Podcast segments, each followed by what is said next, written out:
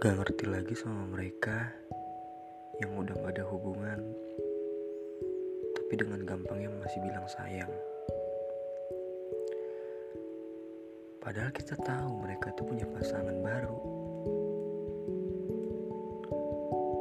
Tapi kenapa kita juga kayak dengan gampangnya manggil sayang dan gak mau kehilangan?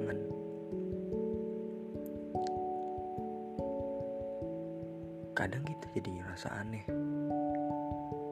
dan ngerasa jahat sama orang